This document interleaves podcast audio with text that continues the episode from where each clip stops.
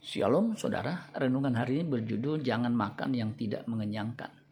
Yesaya 55 ayat 2. Mengapakah kamu belanjakan uang untuk sesuatu yang bukan roti dan upah jeripayahmu untuk sesuatu yang tidak mengenyangkan?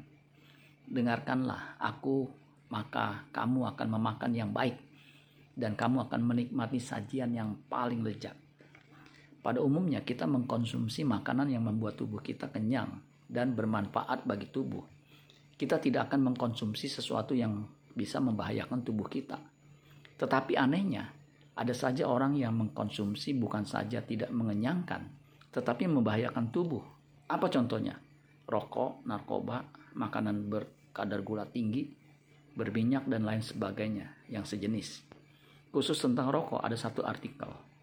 Perokok memiliki risiko tinggi terkena kanker paru-paru American Cancer Society mengeluarkan rekomendasi baru perokok aktif bahkan yang telah berhenti merokok selama 15 tahun lebih perlu menjalani annual screening kanker paru-paru.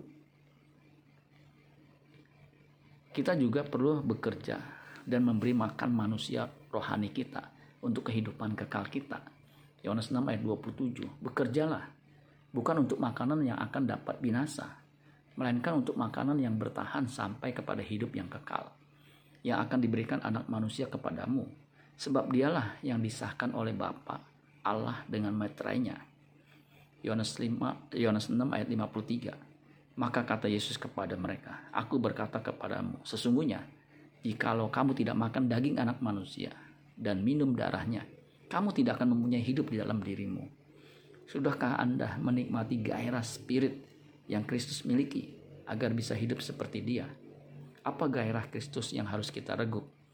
Yohanes 4 ayat 34. Kata Yesus kepada mereka, "Makananku ialah melakukan kehendak Dia yang mengutus aku dan menyelesaikan pekerjaannya."